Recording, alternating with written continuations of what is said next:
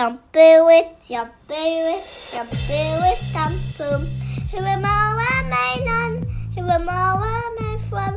If it's winky for you, dan fuck je in die kant. Yeah, yeah, yeah, dat is geil. Gallies is hier. Die Magalies is hier. Die Magalies is hier. Kom sit, kom luister, dit het begin. Maak jou ore oop. Maar ga je het hier, kom luister, kom luister. Dit voel of dit lank was. Ja, ja, ons het dit is so snaaks ons ons laaste episode het ons gesê, "Jesus, ek weet nie of ons gaan aanhou om elke week te kan rekord nie en nou het ons al klaar begin gly. Ons jammer aan die Magalies. Hoor jy doen so 'n bietjie polling op uh, Spotify. Spotify het so 'n feature wat jy vrae kan vra. Vertel ons Dit is moeilik cool. Ja. Ek weet net ons ons audience wil op die blerrie wil goed klik. Ja, so ek het nou maar ons. dit self geantwoord. So as jy op Spotify is en jy's nie 'n roofkyker nie, as jy 'n as jy 'n username het op Spotify, dan sal jy sien iewers by ons episode as jy hom speel, is daar opsies om vrae te antwoord of multiple choice. So in een episode het ek gevra wat is jou gunsteling ep- episode tipes? Is dit die boekklubs of die Magalies teen die internet of pop natuurlik of ehm um, Rudolf se filosofie of of sulke goed. So ja, daar's vrae en as jy wil deelneem, as jy aan 'n henshopper wil deelneem, ek het gevra as daar mense wat belangstel. So kyk 'n bietjie uit vir die vrae op Spotify. Ek sal seker maar elke week dieselfde goed vra totdat ons uiteindelik 'n antwoord kry. Sal aanhou kla en kerm. ek sien ons het 'n paar ek ons het 'n paar ratings ook gekry. En die keer was dit nie zeros nie. So dit het gehelp dat ek gemonitor ons laag uit. so ja, Partyke help dit om te moan. partykeer help dit, ja. Alright, sal ons oorgaan na vandag se episode toe. Ja, jy het vir my nie huiswerk gegee nie. Ons gaan hom wing. Ons gaan gaan hom wing. Word baie maklik te wees.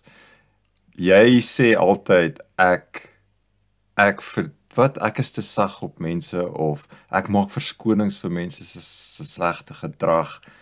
Ehm um, want hulle het nie Wat free mense dat jy will. strongman hulle? Nee, jy jy strong wat? S- Strongman. Ja, strong arm. Ja. Wat wat ja. een is die goeie een? Strongman, ek strongman hulle. Ek sê ag, sis tog, moenie so kwaai met hom wees nie. Sy pappa het hom nie drukkies gegee nie. As hy. so die die vraag vandag is, hoekom is mense poepholle? Wat is 'n mooi woord. Ek sê eers komplimenteer op jou Afrikaans. Uh uh dankie. Okay, so Evert, hoekom is jy 'n poephol? Want as ek's op my senuwees, mense wat op hulle senuwees is, Ja. Toe die Belgie Belgiërs, ek het dit al voorheen gesê, sulke nice mense. Maar in die kar blik skot, hulle is dose, vergeet van poepel. Dit is Man, Ja. jy staan vir 'n sekond stil by 'n lig, dan sal iemand vir jou toets, so vinnig. Reg. En ja, en ek dink dit is omdat hulle saggeaard is dat hulle so is. Dis hulle hulle wil nie hulle hulle, hulle is geverboureerd en wil net uit en enige ding is drama. Waar ja, Okay. as mense ongemaklik is, as mense bang is of so, dan is hulle kan hulle soos 'n poepel voorkom. Ja, ja, ja, ek, ja, ek dink dit is een rede. Mens baie keer dink jy mense is ongeskik, maar eintlik is hulle net besig met hulle eie issues te deel. Um, ek het dit ook al vertel as ek partykeer mense in die bos stap en groet hulle nie. As as ek in die bos stap en iemand stap verby, as dit twee mense is wat verby jou stap en jy sê hi, dan sê hulle hi terug. As dit net een is, dan sê hulle nie hi terug nie. Dit ek eers dink, yes, hierdie mense is ja. Ek eers dink hierdie mense is bly ongeskik. Nee, dink, nee, dis- nee, moet nou nie generalize nie, Rudolf. Jy meen Ja. die die die vrouens met hulle kort rokkies waarvoor jy hallo sê wat alleen daar loop. Wat jy sê bos. goeie Nee, naam. nie so nie. Ehm um, so my, my gevolgtrekking is wel mense wat alleen in die bos stap wil uitgelos word. Hulle wil nie hallo Ai, gesê dis word nie en, en so en so miskien moet 'n mens ja, soos wat ek sê, ek maak altyd verskonings vir mense. So miskien moet miskien kan ek dit nou weer doen. Dink ja, ja, okay, so okay, jy wil nou nie hallo sê nie. Jy wil eintlik net alleen wees, so ek sal jou vergewe. Ek het 'n vriend wat wat graag wil kwaad wees vir die fietsryers. In België is fietsry 'n groot ding. So ouens Ja. op hulle resies fietsse met wat hulle die hele pakkie aan het, jy weet die swempakkie met die stywe broek en die stywe hemp en die al die klere en die goed. Daai ouens kan soos ter duiwels by jou jaag. En ongelukkig hier waar ons bly is dit dis half 'n hoofpad na die stad toe. So daar's net daar's nou uiteindelik nooit tyd wat jy kan net casual Sondag fietsry nie. Jy moet soos in Ag nee. skuif. Almal almal is haastig. Jy kan met jou kind daar ry op die fietspaaie op die hoofar nie. Ry maar op die ry maar illegally op die op die sypaadjie want jy sal in jou moeder gery word. Maar daar is 'n tipe ding van daar's 'n hiërargie is daar nie. Ja, as ons nou net praat van verkeersdose. Okay, ja, dis 'n goeie een om kom te begin begin daar. verkeersdose. Daar's 'n Ja. hiërargie van van vir wie jy vir wie jy pad gee. So ja. ek, ek kan nooit lekker uitdruk nie. Dit voel vir my die een wat vinniger is of wat vinniger uit die pad uit kan kom. Is daar nie so ding met bote ook nie? Dat die vinniger een moet swenk vir die stadiger een, want die stadiger een kan nie vinnig genoeg ons gaan swenk nie. beklei. Ons gaan beklei. Maar ek ek wonder nou dit voel my as ek as ek draf, dan is dit 100% obvious my wie moet wie wie moet voorgang gee aan wie. Ja. Maar dan voel dit vir my die ouens wat stap mag nie langs mekaar stap nie, hulle moet agter mekaar stap sodat ek kan verby hulle haal. En dan so kyk ek altyd skree op hulle as hulle langs mekaar loop. Ek het al geskree, maar kan nie skree nie, maar partykeer sal ek sê hoi en dan klap my hande of so dan weet hulle ek kom. Ek weet nie eintlik wat om te sê nie. Ek wil net sê ek het al gehoor Amerikaners of in 'n movie of so sal hulle sê wat left, dan beteken dit ek weet nie beteken dit jy Ja. gaan links of hulle moet links gaan nie. So dis 'n bietjie Ja, ja. dis 'n bietjie af. Ja, dit beteken gewoonlik passing left. Ehm um, daar's 'n movie in Spanglish, die Spanglish was kyk Dis daai een, Adam. Sandler.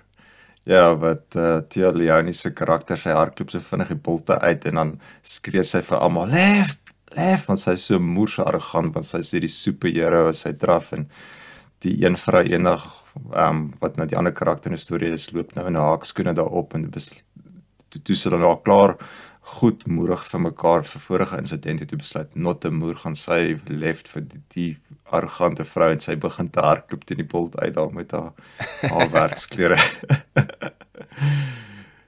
So vertel vir my.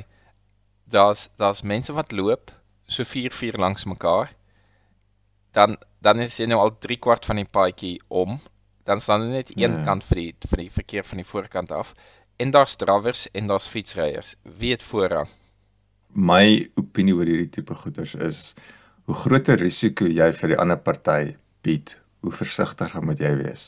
Haai, dis waar. Dis Soos jy die trok ja, jy gaan dit nooit die maak in Pretoria weer as jy terugtrek nie. O, oh, ons gaan daaroor praat. Ons gaan daaroor praat. As jy die trokbestuurder is, moet jy versigtig wees vir die mense in 'n klein f- sedan. As jy die sedan is, moet jy versigtig wees vir die motorfiets. As jy die motorfiets is, moet jy versigtig wees vir die fietsry. As jy die fietsry so moet jy sal moet jy versigtig wees vir vir die mense wat stap. Maar ek hoor jou, daar's tog 'n sin van as jy vinnig uit die pad uit kan gee, wees nou nice en kom uit die pad uit. Maar dit dis nou waar die konflik begin en nou partykeer word dit van jou verwag as jy nou met jou fiets daar verby ry en jy lei jou klokkie vir almal om uit die pad uit te spring omdat jy vinnig is. Dis nou waar dit nou aan die ander kant is. Dis daai daai matigheid, daai balans van van okay, as jy uit die pad uit kan gee, gaan uit die pad uit, maar dis nou nie 'n demand wat jy moet maak van Man van ja, dis mense. daar's ook 'n bietjie van 'n probleem. 'n Toeter het nie intonasie nie. Veral nie 'n kar toeter nie. Ek vind dis Dink jy so? bliksemsam. Dude, Jy sê jy kan hoor as iemand kwaad is. Ons praat nou hier van mense wat wat 'n eregraad het in in kartoet. Dan hu- hulle hulle kan jy miskien laat weet. My in general, ek onthou my pa het Jetta gehad. Daai ding is Ja. bliksems hard dude. Jy moet jy moet wragtig 'n ekspert wees om hom nie te laat honk net so vinnig. Anders dit klink dit asof jy die moeren is vir iemand. Jy het ook 'n Jetta gehad. Ja, Ehm, ja, ja. Ek wonder ek wonder is dit iets met hulle, maar deesdae die karre se ruitte is is meer dig. So binnekant besef jy nie hoe groot doos jy lyk as jy as jy hier vir mense toet om te sê hy die lig is groen, dan klink Hmm. dit soos jy wil oorlog maak daaroor. Um, maar wat ek doen um, met fietsry, as daar as daar ouers met hulle kinders voor my fietsry en die kind jy weet die kleintjies wat so 2, 3 jaar is, hulle swing so links en reg. Ek Mm. lei al van ver af my klokkie sodat Ja. sodat ek hulle nie bang maak en hulle skrik maak nie en dan sal ek spesifiek vir hulle dankie sê hard dat die Mm. ouers kan hoor ek was nie 'n doos nie dit was net om jou kind al veilig te hou en dat ons nie oor mekaar Mm. voeter en so aan nie. Ja, maar in die Aussies is ook baie ordentlik man. As jy by 'n groen lig staan en jy ek weet nie, jy's jou aandag is afgetrek, niemand sal toet nie. Jy sal Ja, ja, partykeer sal dit 'n hele ek het uh, toe ons getrek het, het ek bestaan met die trok nie gesukkel om weg te trek want ek het trok gery, het sukkel gesukkel om weg te trek. Ah ja? En almal was so geduldig geweest en niemand het niemand het getoet nie. Ek het toe ek uiteindelik regkom, toe steek ek my hand by die venster uit en ek sê sorry en Dit was nou 2 uur in die oggend toe jy met die trok gery het. nee, nee, nee. Ja, maar okay, ek moet sê in Canberra het ons minder verkeer, so mense is Ah, redelik net geduldig. Maar maar die al Aussies is oor die algemeen baie meer geduldig op die pad. Ek dink in Suid-Afrika en ek onthou in Suid-Afrika toe ek bestuur het, as jy as jy wil in die linkerbaan ingaan, jy begin eers te draai en dan sit jy jou flikrig aan. Anders maak hulle daai gat toe. Yes, daai daai spanning van Suid-Afrika bestuur, yes. Dit Ek is dink nie jy mag sê Suid-Afrika nie dude. Dis te generic. Ek dink mense sal vir jou woonbuurte uitlig en en Okay, stede waar dit stryd om Rylaan Pretoria. Daar's hy. yes, see, dit was stresvol geweest. Ja, ehm oor, ja, maar ek wil 'n storie vertel. My ex my ex swaar, my suster se ex-man. Hy het eendag ons kan nou sleg praat van ons praat maar sleg van ex-mense. Dis mos dis mos wat ons doen. Ja, dit dis is ons mos cool om kultuur. te Ja, hulle is almal poepolle.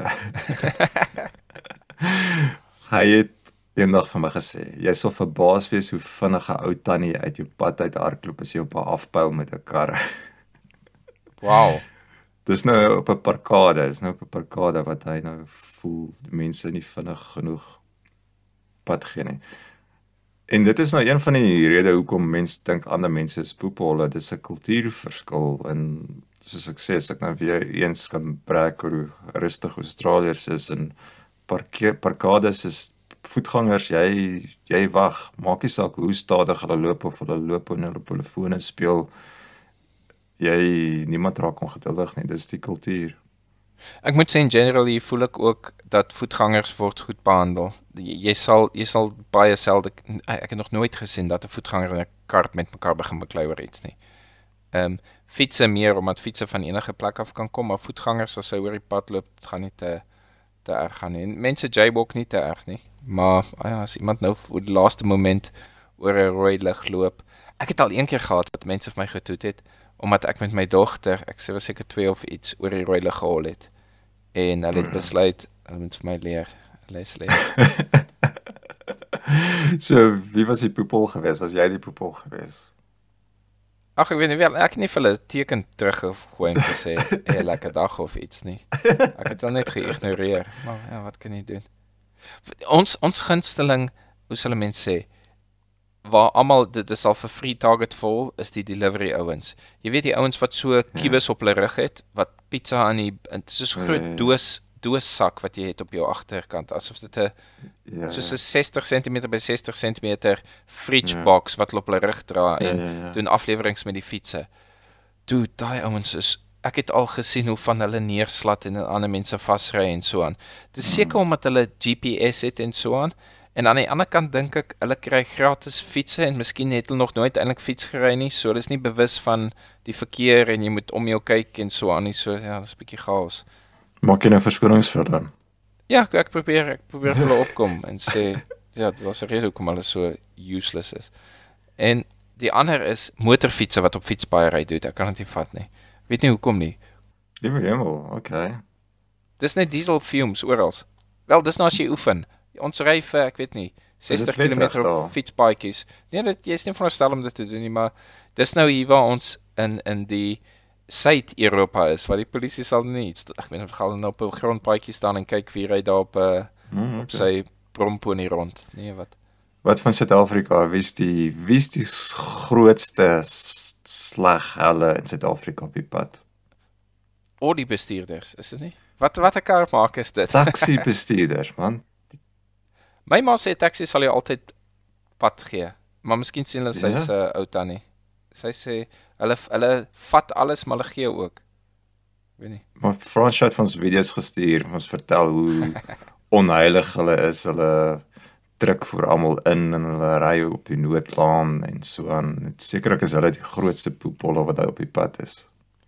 Dude, partykeer sê ek dit dis nie asof ek my ma sien sleg bestuur of so nie. Ek sien haar in feite nie genoeg dat ek weet hoe sy bestuur nie.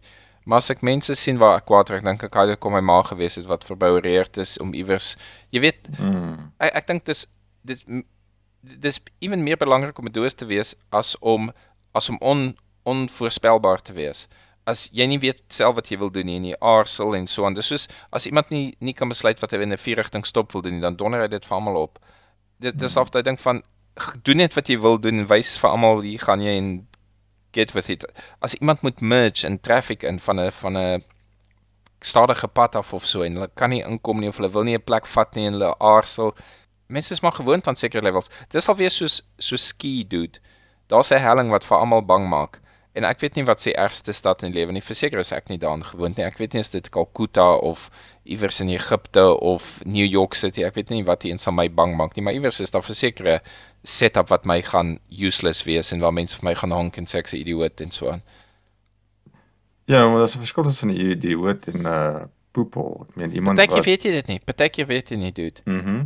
Jy moet eers jy moet eers partykeer dink jy net mense is sleg en dan kom jy later agter o, hulle is net onbewus Mm. of hulle het Mm. hulle eie probleme gehad waarmee hulle deel en al hoe sal ek sê innocently selfish of iets. Hulle so, ek weet nie, besig met hulle eie ding. Ek meen, for that matter kan jy altyd sê, miskien het die een, ek weet nie, 'n slegte dag gehad of so, kan jy nou vir hulle opkom. Mm. Mm.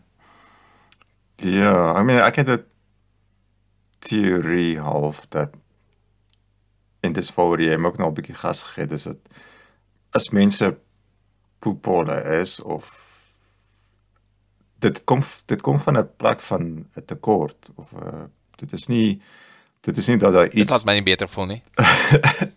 Dis nie dat daar iets in hulle is wat pure evil is wat hulle net boos hulle is hulle is net boosaardige mense van karakter. Dit is altyd een of ander tekort. Dit is ehm um, ek weet nie, miskien in verkeer is daar daar is daar stres. Daar stres van Ek dink ja, dit is ja.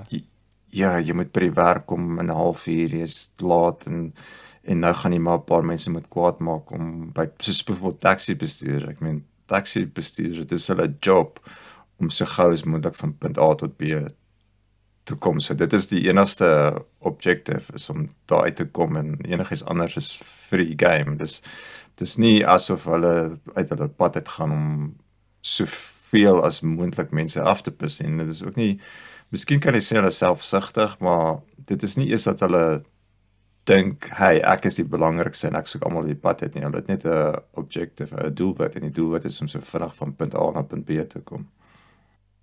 Ja, dis miskien 'n bietjie dieselfde soos wat hulle sê van as mense elke sent omdraai en hulle charge jou as jy 'n slukkie bier by hulle vat, want jy skuld hulle nou. Jy kan hulle die geld oorplaas, ek weet nie. Dan party mense sal hulle knik van die hoed gee en sê ja, dis hoe dis jy ryk word. Jy kyk na elke sent. En ander Ja. ja. mense sal sê ja nee, so ryk wil ek nou nie wees nie. ek sal nou eerder ja nee so, ek weet nie. So so jy kan sê daai ou het ook 'n doel. Maar iewers wil jy daarom die humanity sien en ek dink dit is seker wat maar missing is met verkeer en so aan dat ons is almal in 'n staalblik en as as jy daai mense gaan sien as hulle loop saam met iemand anders in die bos gaan hulle heeltemal vir jou teruggelou sê. Ja. ja. Ja, ja. Ek weet nie, ek het gedink een van die maniere om te kyk na hoekom mense poepole is is te, te kyk na Maslow se hiërargie. Mhm. En een van die goeters heel onder op die hiërargie is uh um resources. Ja. En ek man, ek onthou as 'n kind, ek het twee susters gehad en ons het nie baie sweeties gehad nie. Jesus, ek onthou as daar 'n bakkie koekies oopgemaak word, dan Jesus, dan raak ek gestres want dan moet ek nou 100% seker maak ek kry my fair share. En ek sien nou dieselfde in my kinders. Dit is nie asof hulle tekort het aan sweets nie, maar dis Jessie, dit is dit is almal hulle jy tel elke chippy wat die ander persoon eet. Seker wat die hierdie storie moet fair wees en op 'n stadium in jou lewe raak jy net nie gespanne daaroor nie. Ek het nou reg 'n podcast geluister van iemand wat sê ons aapbreine het nog steeds nie agtergekom dat ons ons nie tekort aan resources het nie. dit meen dis dis die ding met suiker. Dis hoekom ons aanhou om suiker te vreet en ons het eindelose kos, maar jy jy eet nog elke keer asof jy asof jy môre niks gaan kos hê nie. Jy eet soveel kos en jy eet die kos met die hoogste hoeveelheid kalorieë want jy dink in Ah, ons brein ja, weet ons nog steeds ja. nie. En ouens wat so ryk as moontlik probeer raak want ek weet nie agter in jou agterkop dink jy nog steeds jy ek moet uh, so solank ek kan skep moet ek kan skep want wie weet wat môre bring. Ehm um, ons het genoeg resources vir die wêreld om om te gaan maar jy jy jy daai angstigheid altyd daai angstigheid om soveel as moontlik te skep. Jy het nou baie diep gegaan daar. Maar 'n simpel vo- voorbeeld daarvan is Ja. hoekom wil almal eerste op 'n vliegtyg instap? Die vliegtyg vlieg as almal op is, nie as as jy Ja, eerste ja. daar kom nie. Dis die minimale gain wat jy daar kry. Okay, jy kan jou tassie eerste neersit. Okay, geluk. Maar Ja, maar daar's daai konstante craving om seker te maak jy kry jou fair share dat jy daar's daai konstante craving om seker te maak jy mis nie uit nie. Al is dit heeltemal illogies. Ons ons kan net nie van daai instink ontslaa raak nie. maar ons is ons sou boring mense gewees het as jy kom betaal het en geweet die future gaan oukei okay wees. Ja. Jy gaan dit niks klink- doen nie. Jy gaan sleg wees. Dink jy so gaan jy sleg wees of gaan jy meer net rustig wees? Gaan jy net dink as jy heeldag lê en niks doen nie, jy kan dit rustig noem as jy wil. Maar as iemand vir jou gesê, "Ag, die future gaan fyn wees," moenie eers worry nie. Future Rudolph kom hier aan in sy spaceship en land langs jou en sê, "D- mo- "Die geld gaan nie eers bestaan oor 20 jaar nie. Ek weet nie, een van die Marsmannetjies gaan ons kom zap of iets. Alles gaan anders wees. Moenie worry nie." Ja, maar dit gaan jy gaan daai balans moet kry tussen om genoeg te worry om nie honger te gaan nie en ook om nie te veel te worry sodat Maar- jy angstig raak daaroor. nie. Ek, ek dink dit is dis of my soos ek ek wonder partykeer oor oefen. Wanneer is hardloop sleg vir jou hart en wanneer is hardloop goed vir jou hart? As jy te veel hol, dan kan jy nou eendag hier 'n hartaanval kry of iets van die van al die gehol. Maar aan die ander kant maak dit jou ook sterk. So, wat maak jou sterk en wat maak jou swak? As jy gestres is in verkeer en jy Hmm. Het, het hoe ver dit voel vir my jou muscles of dit nou jou brein muscles is of wat moet geoefen word. So jy oefen dit verder as wat dit gewoonlik kan gaan en dan die volgende dag is jy bietjie seer, maar dan bou jy daarop of so. Maar wanneer is 'n trauma waar dit die negatiewe effek het waar jy nie kan recover nie, want soos wat jy sê, ja, jy's nou relax met sweets. Jy fight nou nie jou kinders elke dag meer vir sweets nie. Maar wat maak dat jy nie dat iets nie trauma raak nie? Jy het op een van ons vorige episodes gesê as jy wonder oor hierdie goed, probeer iets anders vir 'n week of 'n maand of wat ook al en ek sal sê met verkeer. Jesus, jy as jy nou vir 'n maand lank as iemand vir jou indruk, laat hulle vir jou ingaan. As iemand as as as iemand jou uitdruk, laat hulle inkom. As iemand eers wil wegtrek by die verkeersrig, laat hulle uittrek en en laat alles maar net chill wees en so en dan ek wonder of jy oor 'n maand nie sal sê yes, sê okay, ek sal eerder 2 minute laat by die werk wees as om te stres oor elke keer wat iemand my iets aandoen as ek in die verkeer is. Dit klink na 'n goeie plan. Maar hoeveel aspekte van jou lewe is nie presies so so nie, nie net verkeer nie. Op soveel vlakke. Ja, ja, ja nou raak jy diep. Is daar goed wat jy nog uitfriek van jou wat voel vir jou jy het ek nou weg van twee kind was? Wat jy voel jy het dit nog steeds nie geshake nie, raak nog steeds die moere nie voor of sensitief daarvoor of Jessie, jy doen nou 'n Freud hier op my. Um een ding wat ek besef het waar ek 'n poephol is, partykeer dan dink jy of partykeer dink ek, okay, jy het nou vir my toestemming gegee om kwaad te word. Jy het nou vir my toestemming gegee om 'n poephol te wees. Jy het een of ander lyn oor oor oor oor trap. Jy het voor my ingery in die verkeer en as enigiemand wat voor my inry, dan kan ek so lank en so hard op die toeter as moontlik wees. Daai daai effek van wat jy jouself toestemming gee om kwaad te word. oh, dat jy dit is justified, ja. Ja, ja, en die probleem daar is jy kan verkeerd wees. dit is of nie justified nie en die, die ander ding is ja, doen nie regtig die wêreld te guns deur nou jou woede te wys. Um ek het nou die dag so 'n insident gehad met waar ek uh een van hierdie call centers moes gebel het en ek moes myself verify en en dan moet jy nou 'n klomp besonderhede gee en hulle het gesê nee, sorry, dit klink nie reg nie en ek was diep bliksem en ek sê ek het net gister alles glad verloop. Wat gaan aan? Ek het daar afgegaan en gesê dit is hierdie proses is nonsens, blablabla en toe op die einde toe ek nou deur die probleem kom, toe kom ek agter ek het my adres verkeerd vir hulle gegee.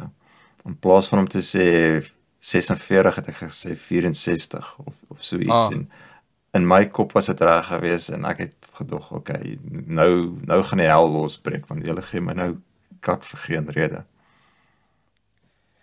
Ek dink dit is dit is verseker 'n rede hoe jy en as jy eers al jou all in gegaan het op die argument, dan is dit moeilik om om te Yes. uit te back.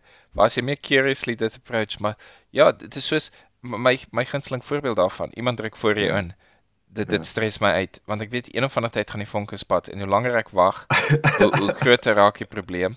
En as jy net sodra iemand dit doen sê, "Hey hey hey, soek jy ook die goed?" Ja, die die ry is hier en as jy net in die begin die ys kan breek of of die probleem kan aanspreek en get over it, maar ja, dan sit jy daar en wonder, okay, nou staan hy hier, gaan hy nou die plek vat hierso en jy praat nie en jy kyk nou vir 20 minute soos dit julle albei nou shuffle shuffle vorentoe om te kyk wat gaan ah oh, man. Ehm um, so ja, as jy net miskien aanvaar dat hy dit nie as prins doen nie of miskien is daar iets anders, miskien is hy saam met die vrou voor hom of ek weet nie wat nie. Ja, dit is dis skaam as jy kwaad was en jy was verkeerd. ja, wat- en ek dink ja, ek weet nie, dis wat jy gesê as jy all in gaan, dan moet jy weet as jy nou verkeerd was, dan gaan jy baie humble pie eet. Also ek, dit is ek dink is nooit die moeite werd om all in te gaan nie. Sal jy vir mans of 'n 'n bietjie afslag gee en sê dis testosteroon se fout. Natuurlik is is jonger seuns meer aggressief en ek het al so ding as die studente in die park drink, dan voel ek los hulle. Laat hulle 'n kas bier daar vat en drink en ja, miskien is daar 'n paar bottels of so, maar ek wil nou nie daaroor kla of of so nie. Ja, seuns enjoy. Maar voel dit vir jou as dit gaan oor verkeer en op hulle toeters is, dan voel dit vir my ja, ons moet die ons moet die bulle beetpak hierso. Dit word nou nie geduld nie. So dink jy dink jy die jy moet wag dat die vuur homself uitbrand of moet hulle gebliksem word into submission as jy jonk en stupid is? Dit voel vir my amper asof dit 'n uh, baie binêr is. As ek nou weer eens kan Suid-Afrika en Australië kan vergelyk. In Suid-Afrika is is jy fight vir elke meter op die pad en as iemand jou te na kom, dan moet hulle weet hulle kom jou te na. Terwyl in Australië dis die teenoorgestelde. Mense gaan uit hulle pad uit om so nice as moontlik te wees en Behalwe as jy 120 ry, 121 ry op 120 speed limit pad, dan sit hulle voor jou en move nie. dan moet jy nou maar moet mooi geduldig wees soos wat almal is. moet dit en ek weet dit kan nie reg wees maar dit voel vir my half dit is uh, binêr. Dit is soos in as jy as die reëling is almal chill net dan chill jy. Dan Weet jy, dis presies wat ek nou wou selfs, sê. Selfs as iemand ongeskik is, dan dan chill jy maar net want op die einde van die dag kanselleer dit uit. Op die einde van die dag is as jy onge- ongeskik en kwaad raak oor daai ene gaan nie ongeskik en kwaad raak oor 'n um, miskien 'n minder ernstige offense ook. Soos is die reël net by default is wees chill en uh, self is dit 'n ekstreme geval dan is jy chill en volgende keer dan dan die die hele temperatuur gaan net af en af en af. Raak jy kwaad as jou vrou kwaad raak? Ek maak nou 'n situasie op. As sy bestuur en sy begin te vloek en skel op iemand, raak jy kwaad sommer vir haar of nie? My ma twee hondjies. Of sy Ja. twee hondjies gehad, ja. Yes. En dan is hulle so opgewonde as 'n mens by die huis kom. Dan staan een by die hek en blaf. En dan raak hy aan die een kwaad en byt haar. Omdat dit is so half daar's te veel excitement en nee, ons moet die storie stop. Dit hang seker af hoeveel ek gestres is. is uh, miskien is ek die iemand daar aan jou gaan sê, "Hey, jy moet nou vinnig daar uitkom. Ons is laat vir hierdie storie." Druk voor ou ou in en terwyl met die ander keer dan sal ek eerder vir haar sê, "Nee, sy moet kalmeer." Ek hang op 'n van die dag gaan dit meer oor jou as wat dit oor haar gaan. Ja, ek dink dit is jou persepsie van die van die sosiale omgewing waarin jy verkeer en voel dis nou 'n chill omgewing die ons is 3 uit 10 uit en ewe skielik raak iemand te 8 in daai omgewing en jy go wag wag wag jy kan nie dit doen nie. Ons is op 'n 3 hierso. Nee, dan sê ek weet nie, jy wil nie iemand met die stemming verander nie. Dis dis waar ek dink dit vandaan kom. As as iemand ewe skielik uit nowhere uit begin vloek en skel. In feite ek ek ek het 'n vriend wat bestuur redelik serieus vat. En as jy met hom in die kar ry, dan gee jy heeltyd kommentaar. Oor kyk nou die een hy het nie lane control nie en die een doen nie dit nie en raak ek kwaad en voel dit vir my toe jy bestuur ek hoef nie te weet hiervan nie. Ek's net passasier. Ehm um, dis my absoluut nie noemenswaardig behalwe as ons byna 'n ongeluk was of iets om iets te sê nie. Maar mens man die lewe is mos 'n spansport. So as jy nou in jou vriend se kar is, dan moet jy heeltyd sê, "Ja, jy's reg, daai ou was 'n poepel." geweest." maar jy kon net sowel in 'n ander kar gewees het vir die ou wat hy kwaad is wat wat jy nou Om dan ook was aan, om ook dit. dan was jy nou was jy nou in daai ou se span gewees. As jy nee, hierdie ou agter jou, wat sy probleem? Hoekom is hy so angstig? Dit die die lewe is 'n spansport en ek s- dit is ook dis ook by die werk. Ek meen jy's altyd ek meen daar's maar altyd spanne. Daar's een groep wat met 'n ander groep deel en en jou groep is altyd die beste. Jy sê wat doen hierdie ander fools? Hulle weet nie wat hulle doen nie. Ja, miskien is dit ons manier om in te skakel socially by 'n groep wat jy nie gewoonlik behoort nie, behalwe dat deesdae ek weet nie vir jou nie, maar vir my is my werkgroep redelik strong. Dis 'n dis 'n fondasie van my lewe. Die feit dat ek vir 8 ure 'n dag met ek weet nie, met mense praat oor goed wat ons almal verstaan. Ek weet nie. Die, die punt wat ek wil maak is is een van die redes hoekom ons dink ander mense is poepolle, dit is is dat hulle nie in jou span is nie. Ek meen, hoeveel keer hoeveel keer was die as jy rugby kyk, die ander span, hulle is hulle is altyd die veldspelers. As jy as, as jou as jou dude die ou by die hare beet gryp en in sy hare trek en sê jag, jag, gee vir hom. Hy hy soek daarvoor. Maar as die ander span se ou jou ou se hare trek, is yes, hierdie ouens is vuil bliksems. Dit gaan baie mense- baie oor daai uh identiteit, daai um tribalism. Mense dit is al deesdae aanvaar dat daar mense is wat boelie op geloof en sê ja, dis net 'n pleister vir 'n ander probleem of so. Maar jy hoor nie te veel mense wat sê sport is silly nie en sê dit is so obvious dat dit een of ander human need fulfill sodat jy kan skree en gil en vir iemand sê hy's 'n moegu wat jy nooit durf sal sê by die werk of in jou huis of wat ook al nie. Nou kan jy uiteindelik so hard skree soos wat jy wil vir iemand dat hy 'n swap is. Dit saam met 80000 ander mense of iets. Natuurlik tik dit een Ja. of ander evolutionary box of een of ander social Ja. kink wat jy het wat iets het nie lekker gewerk nou is dit wat ons doen dat jy voel jy is deel van 'n massa. Ja. Ja. Ja, so dis 'n manier om ons ons tribalism uit te leef dat jy nou daarso kan jy soveel soveel skree op die ander span as wat jy wil en as jy terug by die werk is dan is jy nou weer bietjie rustiger. Jy Dit is die 'n vreemde punching bag wat jy nie gebruik om muscles te bou of ietsie, maar letterlik vir die spanning. Ek, is daar Ja. mense wat dit doen? Dink jy dink jy dis net 'n cartoon version van reality? Of dink jy daar's mense wat letterlik 'n punching bag het sodat hulle hulle vuiste kan nerf afslaan omdat hulle gefrustreerd is? Ek weet nie. Dis soos dartboard met 'n foto. Dink jy enige iemand in jou kantoor het al ooit enige iemand anders op kantoor se gesig op 'n dartboard gaan sit en darts gegooi? Surely dis dis 'n cartoon, right? Dis 'n cartoon. Ja, as jy daar is, dan moet jy bietjie hard dink oor jouself. Hoorie, ek wou deur daar deur Maslow gaan. So Maslow se behoeftes en Ja. dan sê vir my hoe dink jy kan dit mense poepolle maak? Nou die eerste ene Maslow is fisiologies. So dit is soos die jou fisiese behoeftes en ek dink daarso as jy nou fight in die verkeer, jy fight vir resources. Dude, en- wat van wat van vir sexual wat sê mens partners? Okay, okay, jy het nou 'n paar vlakke geskep. Die tweede een is Ek tog ons praat van jou base needs. dis nie 'n base net nie. Natuurlik. Okay, ek rol my oor vir die masrol idioot. So die tweede een is veiligheid.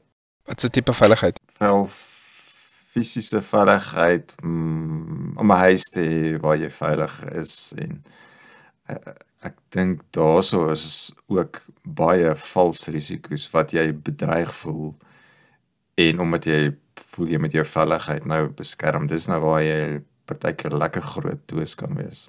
100%. 100%. Ons het 'n hond gehad. As my ouers hom afdroog met die haardroër, dan besluit dit is die einde van die wêreld. Iemand iemand iemand vrek vandag. Ek of jy, daai hond wil jy net omdat hy bang is. Omdat hy Ja. bang is vir 'n bliksemse haardroër en ons ek, again, ons almal het daai vlak waar iets push jou te veel en dan ewe skielik omdat jy eintlik bang is, veg jy so hard teen iets Ja. of gebruik jy een of ander slur wat jy nie moet gebruik omdat jy bang is of wat. Dit bring die slegte kant uit jou uit. Jy sê ons altyd praat nou van fietsryers, maar ons altyd actually ry fiets so nou en dan in die verkeer. Ja, daar's daar's niks so erg soos 'n close call nie as iemand jou net Ah. net nie doodgery het nie. Jesus, jy daai jy dit bring die woede in jou uit. Ehm um, dis dan wanneer jy begin op mense skree en hulle bonnet slaan en so en as as jy voel fok dit was bietjie te naby gewees ou. Ja, sê ou, dis daarom dis daarom groot verskil tussen 'n potensiële probleem en iets wat byna gebeur het, is dit nie? Hoeveel van Maar- die kan jy vat totdat jy besluit jy ry nie meer nie? Ja, ons ken daai stereotypiese kwaai fietsryer wat op almal skree al die pad en so aan. Ja, miskien het hy of sy bietjie te veel close calls gehad. Miskien miskien is dit dan tyd om 'n ander middel van vervoer te kry. Iemand het vir my so 'n storie vertel van buffels. As jy trop buffels het, is jy nie in groot risiko om gestorm te word nie. Maar as daar net so 3 of 5 bulle langs die pad is, Ah, okay. dan hulle sal deur die trop verwerp en hulle het al hulle makkers sien val um, deur leeu's en so aan. So hulle is Hmm. baie meer die bliksem in as die ander wat nog in hulle trop bly en so aan. En ja, dit voel vir my dis self iets met jou close calls met die bike. Hmm, wel, close calls in die algemeen in die lewe as jy en dit is miskien hoekom Ah, ons ja, so dis by by die by die werk jy het heeltyd daai span dinamiek nodig van ja ons staan saam teen die res en die oomblik as jy voel jou span ondersteun jou nie dan dan is jy op jou eie is dan moet jy vir jouself fight en dis wanneer dinge angstig raak. Okay, volgende ene ehm um, op Maslow dis om lief te voel en waardeer te voel. Wel, is wa- waardering en erkenning is die volgende stap. So maar kan ons miskien kan ons hulle al twee meng, maar eers en ek kan liggaams issues daar sien. Veral as jy nou jonk is en jy's op die dating scene en jy wonder is jou hare nou nie mooi genoeg nie of, of wat ook al dat dit angstigheid by jou gaan skep Ja, ek het nog steeds skade daarvan. of of as iemand vir jou lag vir jou hare. Toe ek begin bles word het en iemand het gelag vir my hare, sou baie sins dit sou ek dan 'n groot poepel geword het. En waardering en erkenning, ek dink yes, ek dink ons is baie onderbewus as jy voel jou reputasie gaan op een of ander manier skade gedoen word, O, jessie, ja. dan is jy baie sensitief. Ek het net gedink aan die ander kant om, voel ek, oh, ek het nie veel erkenning nodig by die werk of so nie. Vertel vir myself ek's awesome, maar jy's reg, as jy dink jou naam gaan sleg gemaak word, jy sê ja, natuurlik gaan dit jy gaan jy gaan uit jou social shell uit klim en dit verdedig.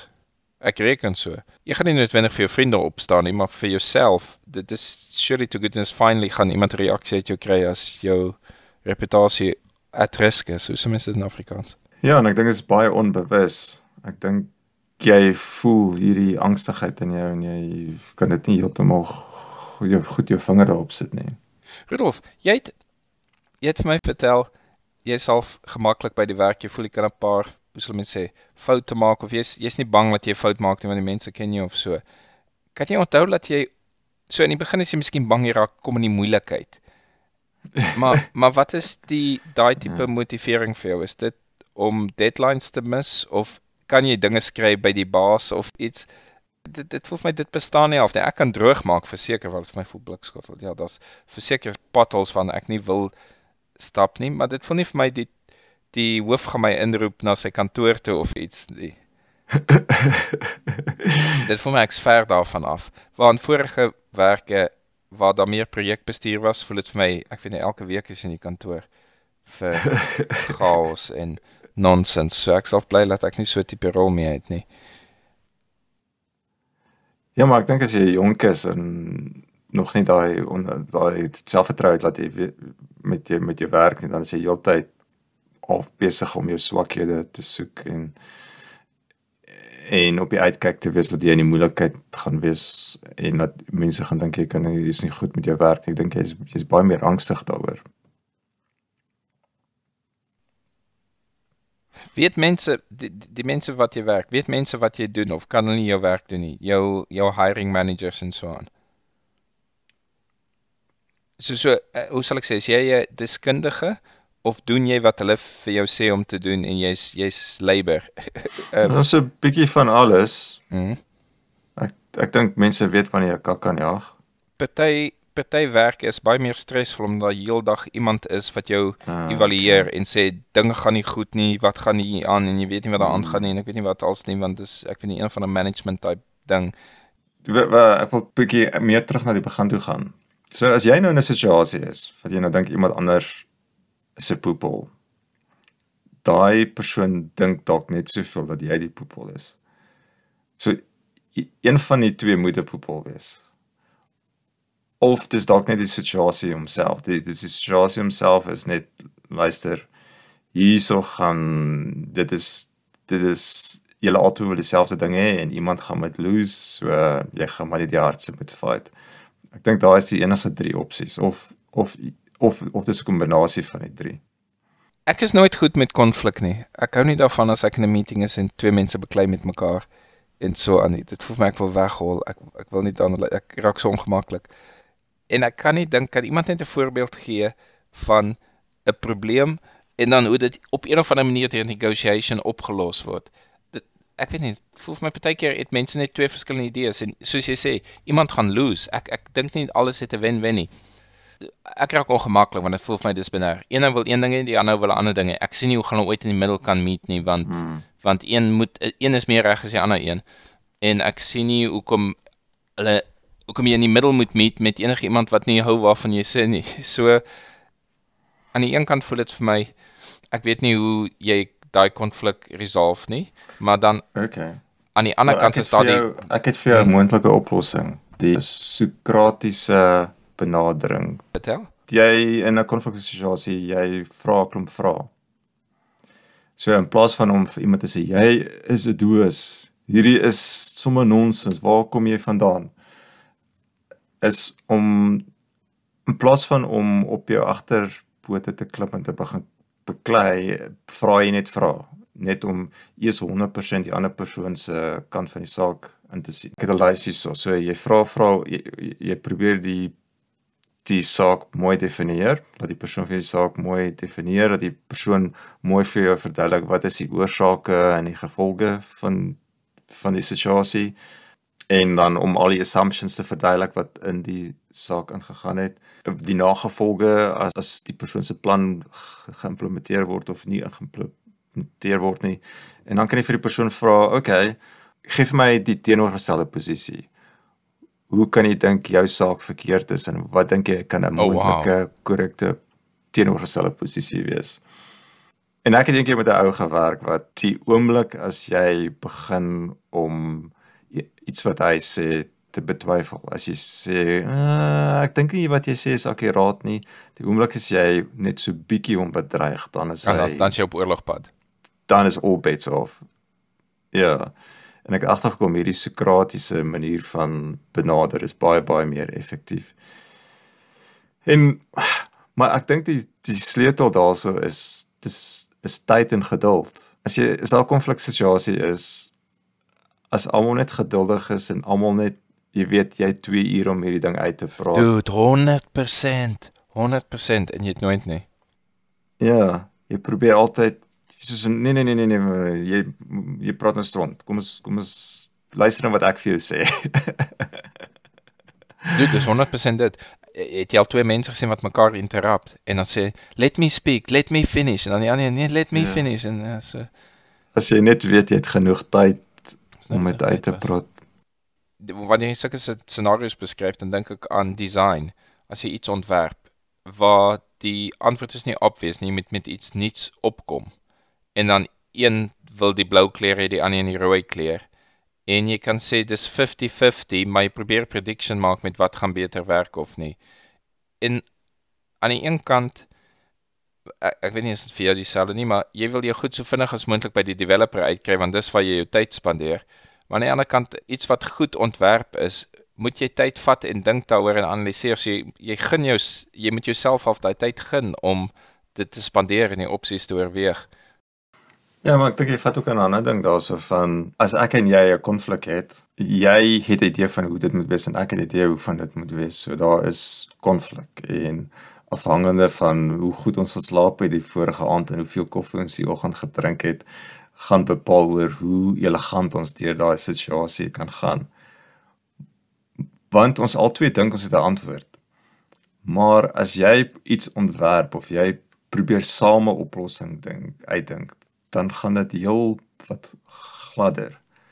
So die feit dat jy 'n vooropgestelde idee het oor 'n probleem of 'n saak, dit is dit is wanneer die konflik ontstaan. Maar as jy net saam 'n oplossing probeer dink, dan gaan dit baie makliker. So, so miskien is dit 'n mindset om te kweek is om te sê nee, ek dit gaan nie oor my idees of jou idees nie. Ons probeer saam werk na 'n oplossing toe. En jy moet half met 'n blank slate daarin instap. En Ehm, en dit en dit, en dit maar dit, dan kom nou goeters in so wat ons nou vroeër gepraat het oor Maslow soos o nee jy wil erkenning hê dat jy slim is jy wil hê iemand moet jou op die skouer klop en sê ja jou idee was die beste gewees en dis dis dis dis wanneer daai tekortkoming van ons of daai behoeftes van ons begin om die hele proses om te krap. dis alweer my, miskien is dit my konservatiewe manier van dink. Waar dit voel die probleem kom in as almal dink hulle bydra is ewe dra ewe gewig as dit by die wat se mense die valbuil rond te kom. Ek dink is makliker as daar 'n idee is van die ou het 'n hoë rang.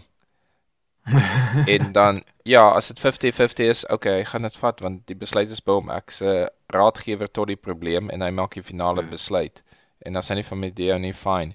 Waar as almal dink, nee, ek het die idee en die ander een, ek het daai een. Dit voel vir my jy gaan outomaties meer konflik hê so en ek weet nie of dit noodwendig beter is as jy nie 'n Salomo het wat daai besluit kan maak nie. So ek hou meer van die idee van dat Ja. daar is 'n clear 'n duidelike understanding van wie is die alfa in die situasie en dan is dit maklik. Okay. Dit is al silly om nou persoonlik te goed praat want die ou wat by die saam met wie ek werk, hy is baie slimmer en langer daar as ek. So ek het geen probleem as ek okay. iets sê en hy wil dit nie van nie, taffies, okay. Maar ek's nie so dit ek dink die probleem is as jy dink, maar ons dra al twee 50-50 by tot die ding en dis nou my Ja. beurt want laas het jy ja, ek weet nie. Dit gaan mos Okay, moeilik so maak. uh, okay, so so uh, in jou verhouding met jou vrou. wie wie is Ek's maar altyd meis. is jy altyd meis.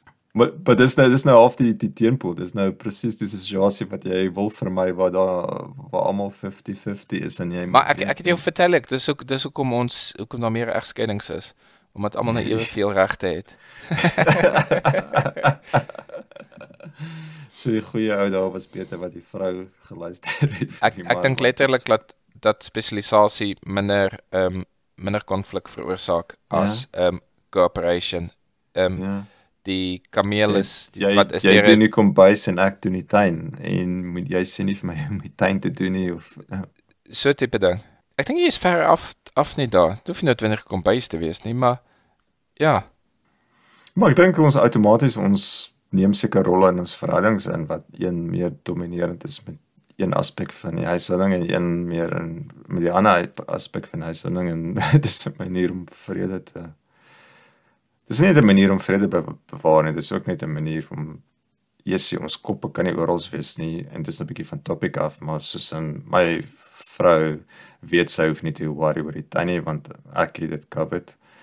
Ehm um, ek meen ons neem elke dag saam besluite, is maar dit is miskien useful om bietjie die scope van wanneer ons saam goeders moet besluit bietjie minder te maak want jy jy wil nie oor elke liewe ding redeneer nie. Ja, ek meen op 'n praktiese vlak moet julle al twee helfte van die tas pak of helfte van die kar inpak. Nee nee nee, kom ons split daai job. Een kan die tasse doen, een kan die kar doen. Hoekom hoekom hoekom moet alles ja. koöperatief wees? Dit is net makliker om te sê ek weet nie. Emma se huiswerk. Ek en my vrou moet verseker nie saam deur haar huiswerk sit nie. Hoekom sal jy hoekom sal jy hoekom sal jy dit wil doen? Laat net hmm. een daarmee gaan en die ander een is okay daarmee. Geen probleem nie. Dit is letterlik nie jou geskil by ons. Ek dink dit is seker goed wat jy verseker nie wil saam doen nie. Ek was 'n bietjie wie 'n ander roete vat. Ons het oor Pafit gepraat en identiteit. Ja. So dit gaan oor hoe vloeibaar ons identiteit is. Een van die aspekte is oor hoe vloeibaar ons identiteit is en ek het intussen ook 'n podcast geluister met Brian Lowry. Ehm um, wat hy praat oor hoeveel ons ons identiteit word gevorm deur die samelewing. Jy is 'n individu kan al seker van jou seker aspekte van jou identiteit. Hy gaan op so ver soos om te sê die idee van 'n identiteit die identiteit sorry, die idee die identiteit van 'n persoon maak nie sin as dit nie deel van 'n samelewing is nie. Want samelewing gee ons baie idees. Kom ons sê maar nou soos die ene wat half 'n current issue is, is geslag. Jou idees oor wat wat, wat geslag is word deur 'n gemeenskap saam besluit. Maybe ek stem nie noodwendig 100% saam met jou nie, maar okay. Maar die fokus wat ek wil maak is is die, die hele idee dat identiteit bietjie meer vloeibaar is. En as jy nou daai idee vat, is dit 'n manier om bietjie minder judgmental teenoor mense te wees. Die jong ouetjie by die werk is nog besig om te leer. Is nog besig om sy of haar identiteit te vorm.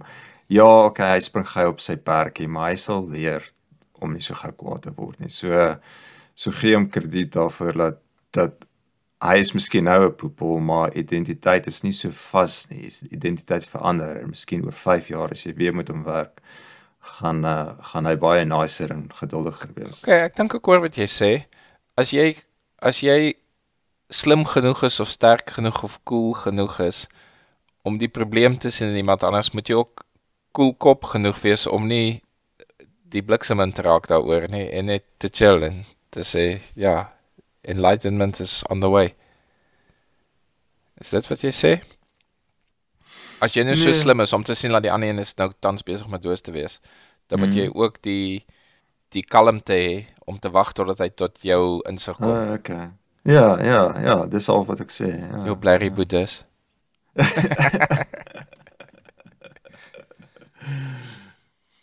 Ja, ons het net nou dag oor identiteit gepraat met um, Wendy, die episode wat ons nou opgeneem het nie. En dit het daar ook opgekom waar ek daai gevoel gehad het van identiteit van toe wat was dit? Toe Rusland glo met die verkiesing ingemeng het in Amerika.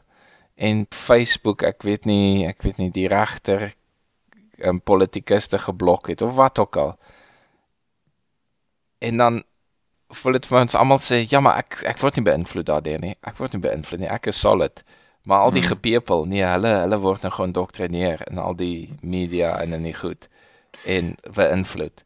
Maar hulle gaan nie vir my kry nie. En ek dink ons besef nie ek dis altyd my argument die ironie van hoe plooibaar ons is en hoe vorm hoe ons gevorm word deur ons omstandighede.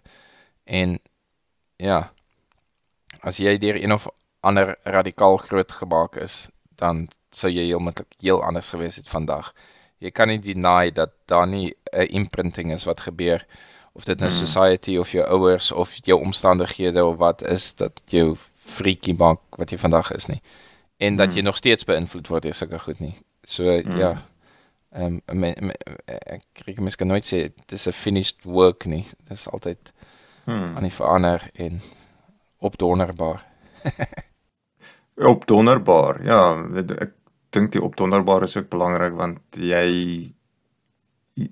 jy elke dag beïnvloed ander mense. Jy beïnvloed wat, wat hulle identiteit is. My doen en late met jou bepaal wie jy gaan wees oor 'n jaar.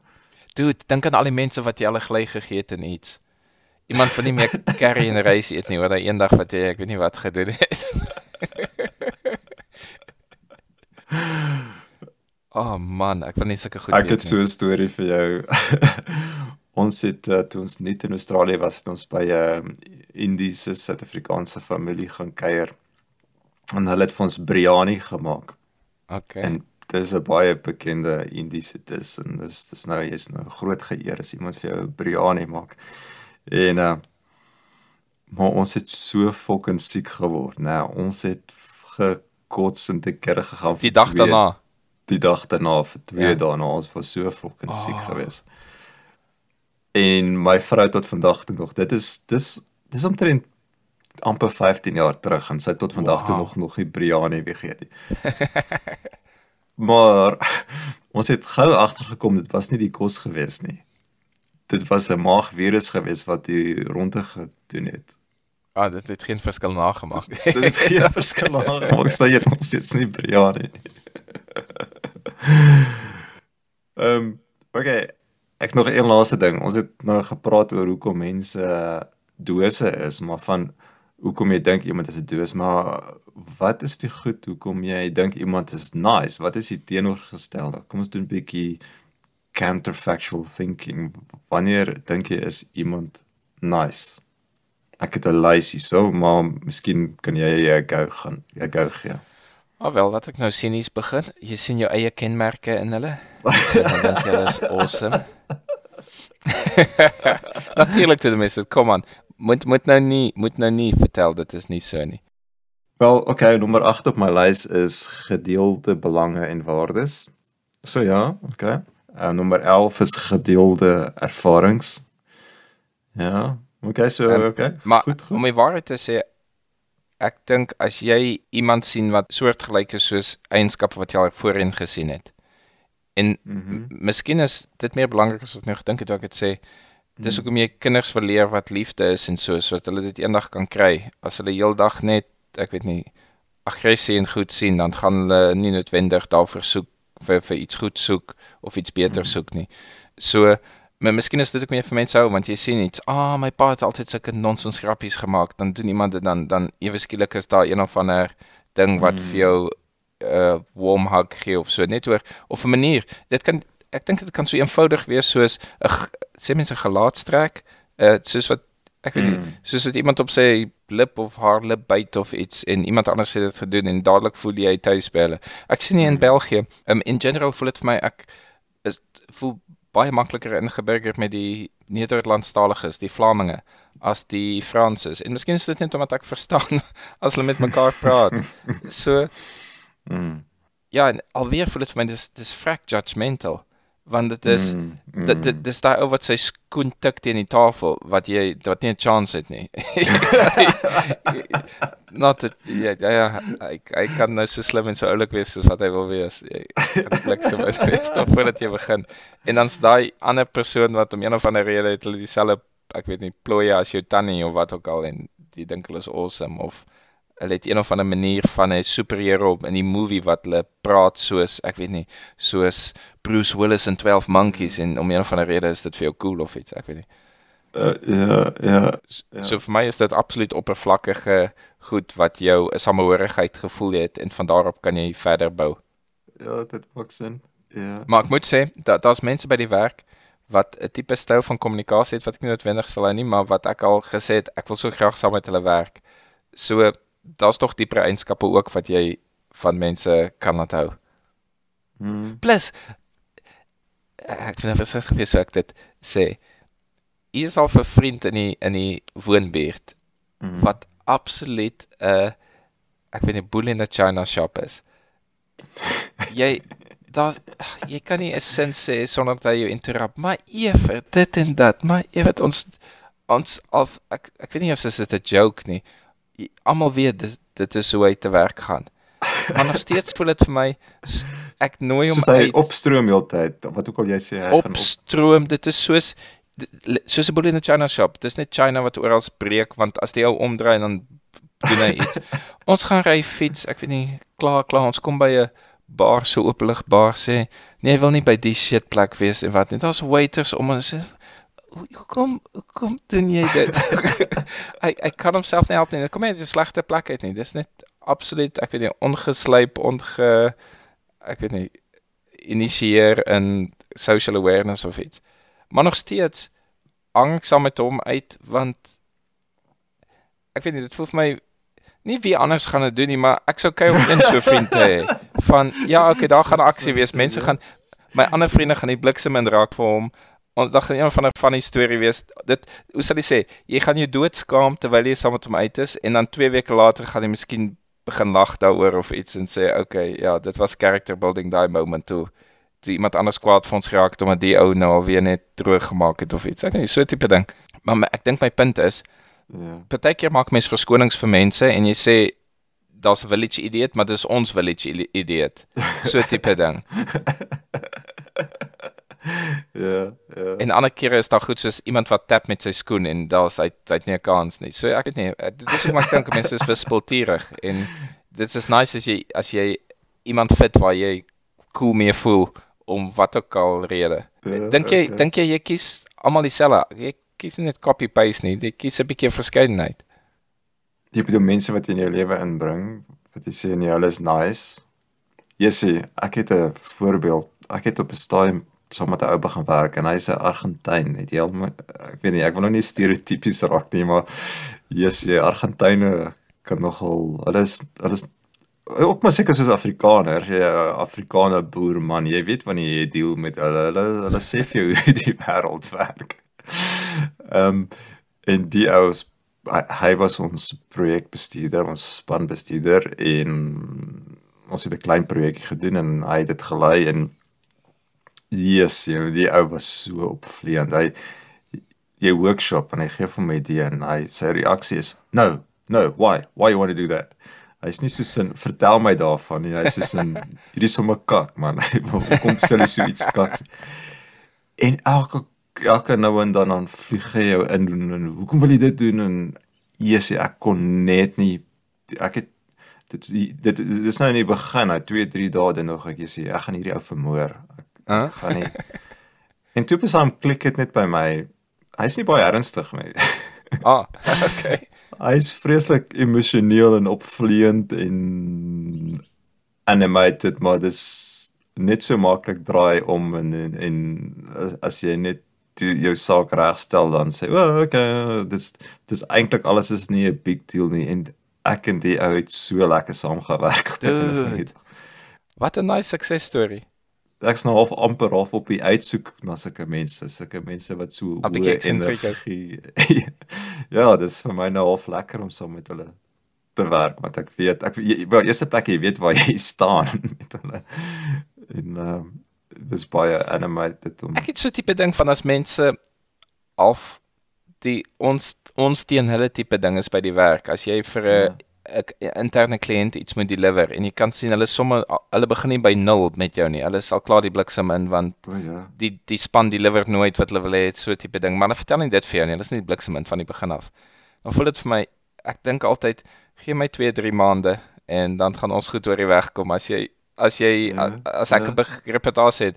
So in die begin voel dit vir my ja, jy hou maar jouself punch bag. O ja ja. ja. En eh, partykeer wonder ek toe jy net vertel van jou Argentyn.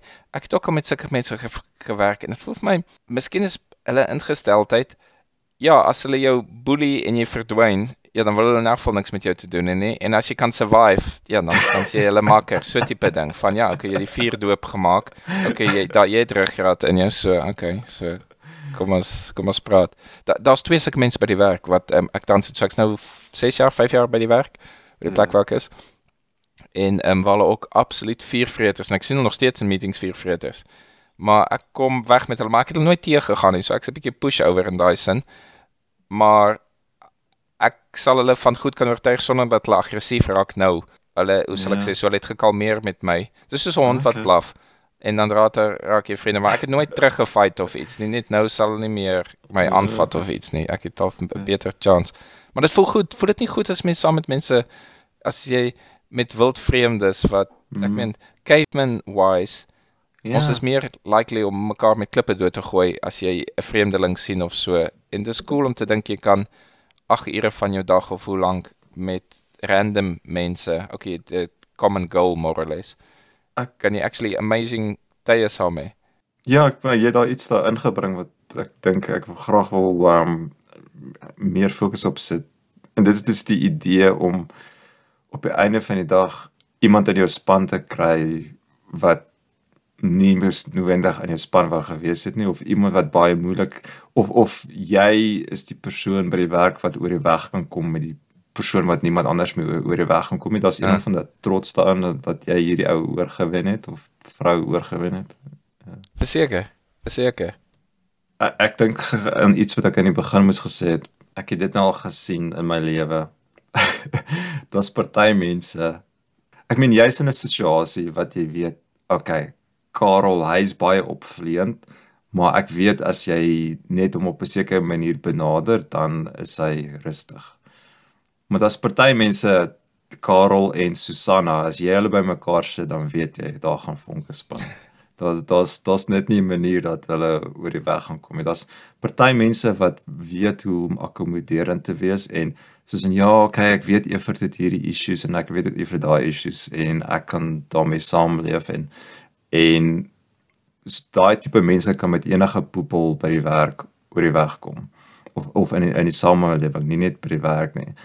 En ek dink meeste van ons of baie van ons interaksies is of dis twee nice mense wat maklik met mekaar oor die weg gaan of dis een poepel maar daar daar's nog steeds die ander persoon akkommodeer die poepel goed genoeg laat op die einde van die dag lyk like die poepel ook nie soos 'n poepel nie Maar as jy twee moeilike mense bymekaar kry, dit is net okay, hier is jy, is hulle as hulle begin praat dan weet jy okay, hierdie twee gaan nie met mekaar oor die weg kom. Hier gaan nou hier gaan nou sparks fly.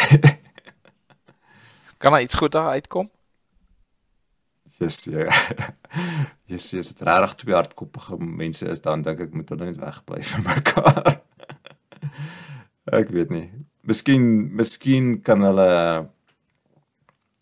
ek weet nie leer om aan te pas. Miskien kan hulle leer om minder hardkoppig te wees om agter te kom luister hierdie werk nie. As die ander as die ander persoon net so as ek is dan te sê dit iets van my en dit sê dat ek moet bietjie meer buigsaam wees. Ek weet nie, miskien miskien uiteindelik dink jy dat as jy 'n span maak van mense, ek is nou nie 'n bestuur en sulke goed nie, maar as jy nou 'n dream team moet maak van mense waarmee jy werk, moet jy die produktiwiteit maksimaliseer of moet jy sê wel die persoon doen net 60% van die output van die ander maar hulle is so goeie gees in die span mm.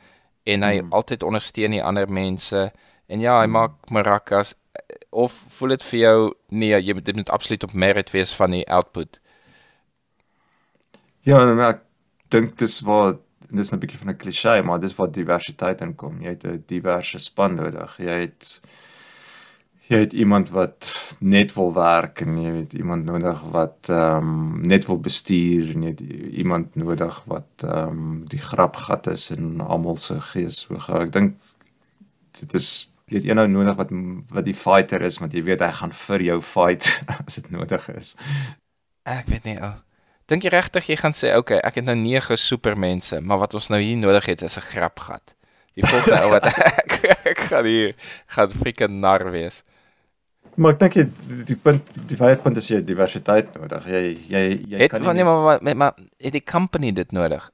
Ek dink nie dit is so ja, obvious ja, dat jy dit so. nodig het nie. Ek dit stem of saam met jou. Miskien is dit wat werk interessant maak as jy socially interessant maak of so. In general, ek sal net happy wees as almal graag wil werk wat raar is.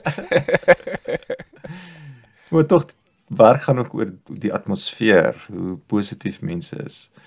Dit gaan nie net oor die hoeveelheid output wat elke persoon individueel vir my is daar genoeg tyd tussen by die werk aankom, middagete en weggaan.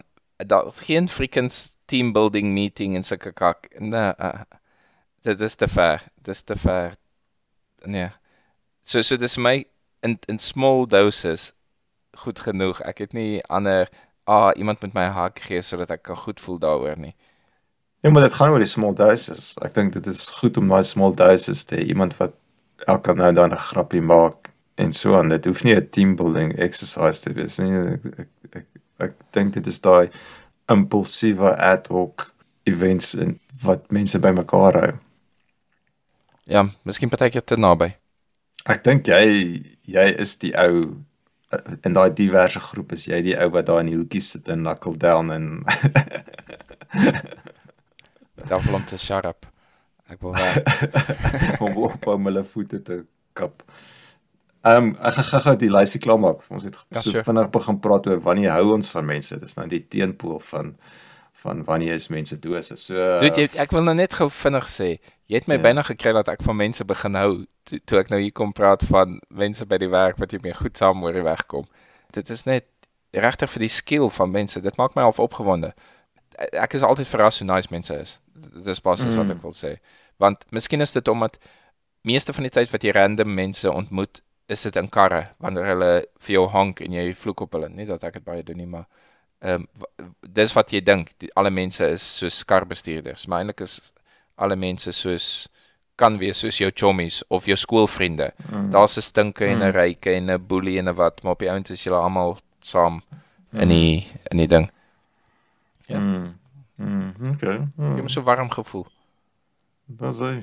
Mm. So vertel my, Okay, so vriendelikheid. Ek dink dit is obvious. wat van vriendelikheid? wat maak mense likable? As ek dink van van die coolste mense waarmee ek gewerk het, nou nie cool soos in party en het goue armbande en goed nie, maar was omdat dit redelike hoë ek sal nie sê hoë stres nie, dis nie asof ons aircraft traffic controllers is of iets nie. Maar die mense wat kan kalm bly as die pressure daar is en soos jy sê die grap maak, dis nie meer grap snaaks is nie, omdat daai een nie te Hmm. veel gestres het om uit die grap gesien al van o ja, okay, dit is nou nie so ernstig al die goed nie. Mens kan nog jy kan of uit uit jou situasie uitkom en dit van Mm. verder af sien. Mm. Ehm um, so ja, dis seker maar dieselfde met vriendelikheid ook dat daar is nog mense agter die masjien wat moet vorentoe. Ehm um, mense wat respekvol is, eh uh, mense wat empatie het, hulpvaardig is en humor. Daar's humor. Jy het uh, humor nou al 'n paar keer genoem. Iemand wat uh, jy kan vertrou en wat betroubaar is. Ehm um, aantreklikheid. Dis nou ongelukkig oppervlakkig. Ons is uh ons gee mense meer punte as hulle aantreklik is. Ehm Ja, maar aantreklik is alweer, miskien as jy 25 is, is aantreklik iets anders wat jy letterlik vir die ek weet nie vir die modelle van Hugo Boss uh, advertensie gaan of wat ook al. Boss bottled of so. Maar miskien soos jy ouer raak is aantreklik meer soos ek, alweer features wat jy al gesien het of die ou het haarstyl soos Mm. Trump en om een of ander rede is jy net ou jy daarvan ek dink dit is meer funny of iets. So ja, een of ander ek dink dit is 'n hoek wat jy nodig het is 'n hoek socially. Iets wat jou herinner aan iets waarvan jy gehou het. Ehm um, gedeelde belange en waardes, ons het al daaroor gepraat. Uh resiprositeit, jy sien wat 'n vieslike ange- Dit is anglisisme. verskriklik. Ja. Die gevoel van wederkerigheid, so die gevoel dat okay, as jy my help, sal ek jou, help. Ehm um, ondersteuning en luistervermoë, gedeelde ervarings en positiewe energie. gedeelde ervarings verseker bou spanne. As jy deadlines het en goed nie, is uiteindelik aan die ander kant en jy lag toe daai een keer dit gebeur het. Ek meen dis wat ons almal doen. Dis basies wat Afrikaanse manne pot gooi. Ons pot gooi, ons praat ook oor ons verlede. Ons het daai ons het hierdie selfde trenches al was dit Hmm. nou nie miskien net klein poelietjies. Dis nou nie asof ons deur drama is nie, maar ja, ge- gedeelde experiences verseker is dit moet surely to goodness een van die beste predictors wees as jy gedeelde experience is dat jy okay met iemand gaan wees. Tensy hulle die Hmm. oppositie in daai gedeelde experience was. Dis die grootste predictor. Dis dis hoekom jy tans hoekom ek met jou en Toby vriende is want ons het gedeelde Hmm. experience gehad. En Hmm. dit dit is langer blywend as enig van die ander experiences, ja. Mm. Maar ek luister na Paul Bloom, hy's 'n uh, Kanadese professor van sielkunde. Ek dink dit is hy wat dit gesê het. Miskien was dit nie hy nie, maar in elk geval wat gesê het en ek hoop ek het hierdie reg, soos in 'n verhouding vir elke slegte ervaring wat daar is, het jy 5 goeie ervarings nodig om dit weer gelyk te maak. So as jy praat van gedeelde ervarings tussen jou en ander mense wat mense besluit of jy 'n dosis of nie 'n dosis nie. Jy moet sorg dat jy 5 keer nice is vir elke keer wat vir een keer wat jy nie nice was nie. Weet jy, dis dis miskien 'n goeie ding. Jy praat van probeer vir 'n maand nie op jou toeter lê op in die kaart nie. Miskien moet jy vir jouself goals sit soos in okay, ek gaan 5 keer vir iemand 'n plek gee voordat hulle honk as hulle voor my ingaan. Ja. Ek dink dit is 'n nice ratio. Ek moet dit probeer. Ja, ja, ja. ja. Maar maar maar weet jy, dis dis 'n goeie ding om in, in jou verhoudings ook te probeer. Dit is nou baie meganies. Maar ek is mos maar masjien. So ja, met my dogter, met my vrou, ja. Kan net een keer moan en dan vyf keer nice wees. Hmm. Dink dis goeie ratios daai. Ek moet Ja. werk om daarbey uit te kom. Alright. Okay, het jy enige recommendations vir van so jy het 'n paar mense se name genoem in podcast waar jy na lui- na luister? Um nie spesifiek tot hierdie onderwerp nie. Dit's dis een ou wat ek miskien sal noem, um Scott Barry Kaufman. Scott Barry Kaufman. Ja, hy's 'n sielkundige. Hy het 'n podcast met die naam um The Psychology Podcast.